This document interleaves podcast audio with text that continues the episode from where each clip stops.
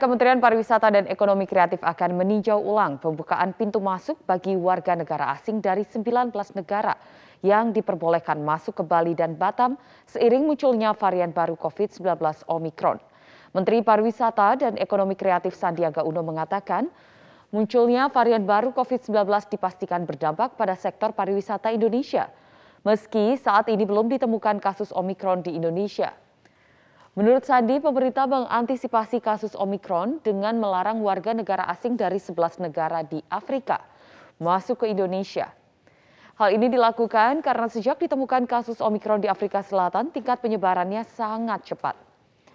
Sandi berharap tindakan antisipasi masuknya varian baru Omikron dan PPKM level 3 saat Natal dan Tahun Baru dapat dipahami pelaku pariwisata karena bertujuan mencegah lonjakan kasus COVID-19. Kita mendapat konfirmasi bahwa walaupun di Indonesia belum uh, teridentifikasi, tapi di Hong Kong dan beberapa negara lain seperti Belgia ini sudah terkonfirmasi um, dari segi keberadaan varian Omikron.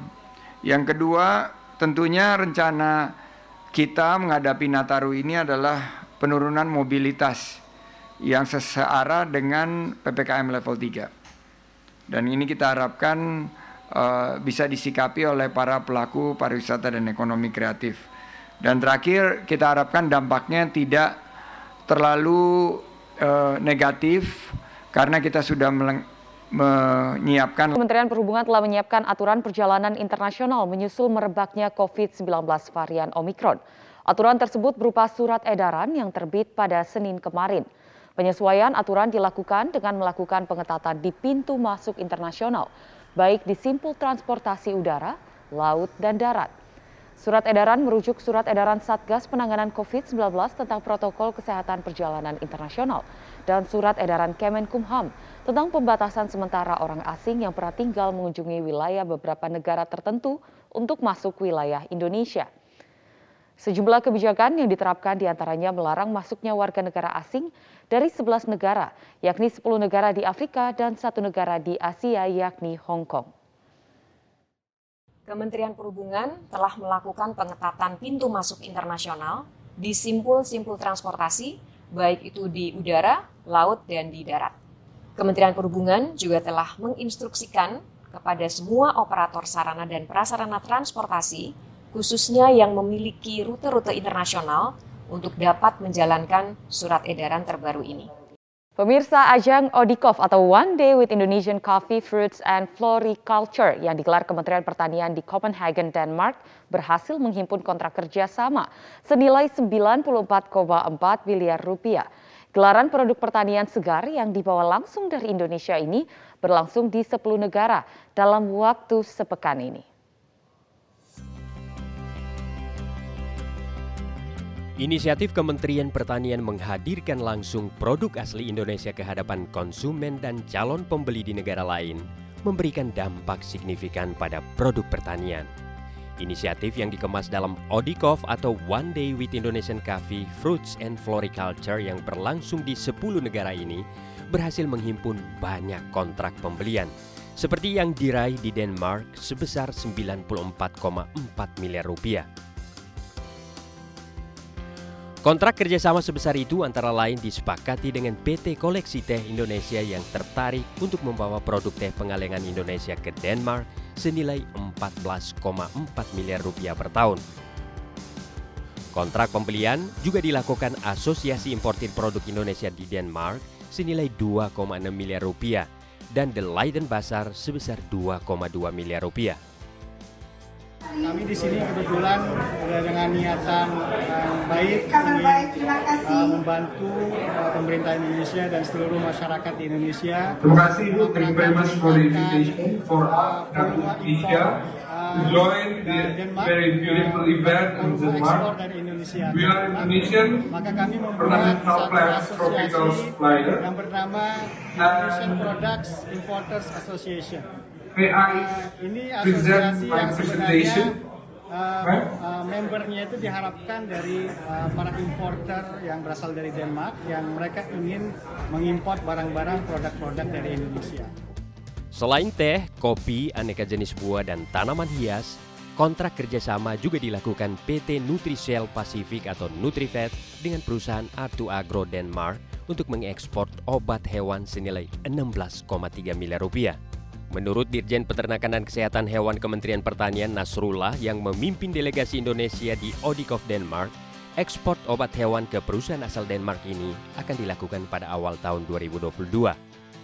Sementara untuk promosi, investasi, dan akses pasar produk pertanian Indonesia di Denmark, Kementerian Pertanian melalui Ditjen PKH juga menandatangani kontrak kerjasama dengan KFT One Apps senilai 28,8 miliar rupiah. Di ajang Audikov ini, Kementan juga menekan perjanjian dengan Arla Foods Amba untuk pertukaran pengetahuan dan keterampilan khususnya terkait peningkatan kualitas susu organik di Indonesia. Dalam kerjasama ini, pemerintah Denmark akan memberikan bantuan dana tambahan kontribusi melalui Arla Foods Amba untuk pengembangan kualitas susu organik bagi petani Indonesia sebesar 30,1 miliar rupiah.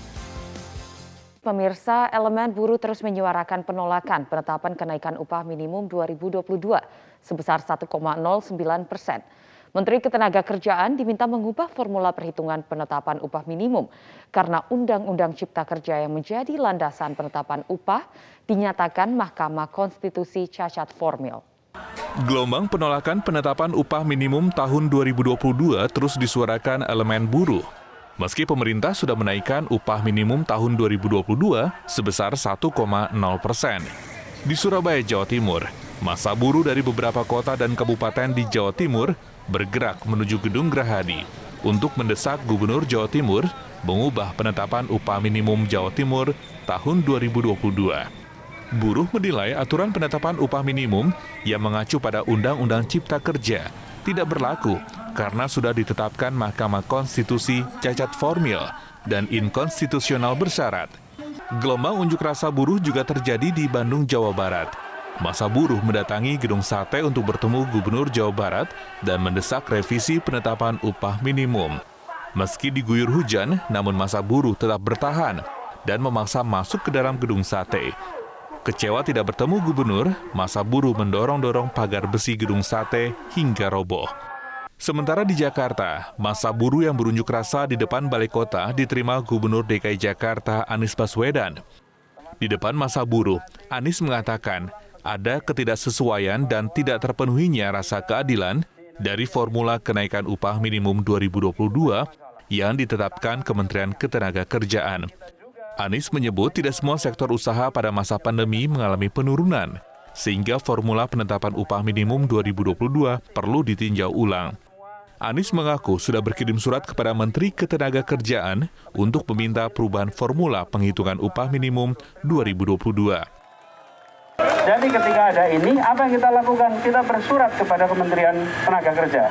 Kita mengatakan formula ini tidak cocok untuk diterapkan di Jakarta.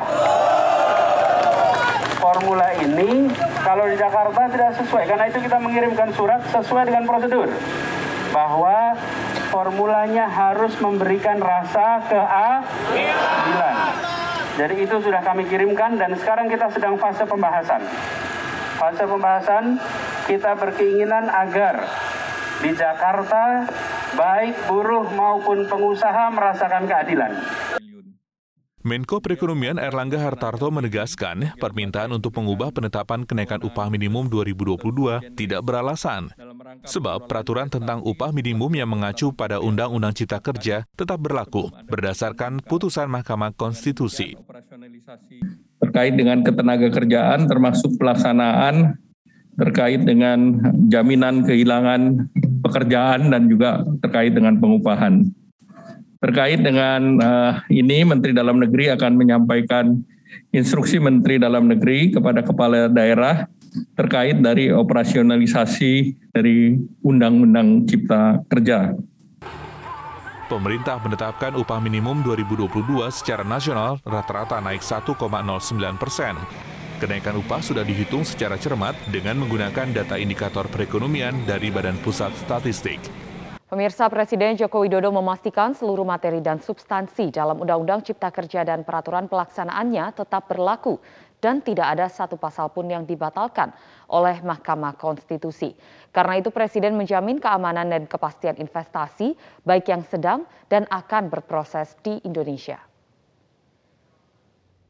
Komitmen pemerintah dan komitmen saya terhadap agenda reformasi struktural deregulasi dan debirokratisasi akan terus kita jalankan. Kepastian hukum dan dukungan pemerintah untuk kemudahan investasi dan berusaha akan terus saya pimpin dan saya pastikan.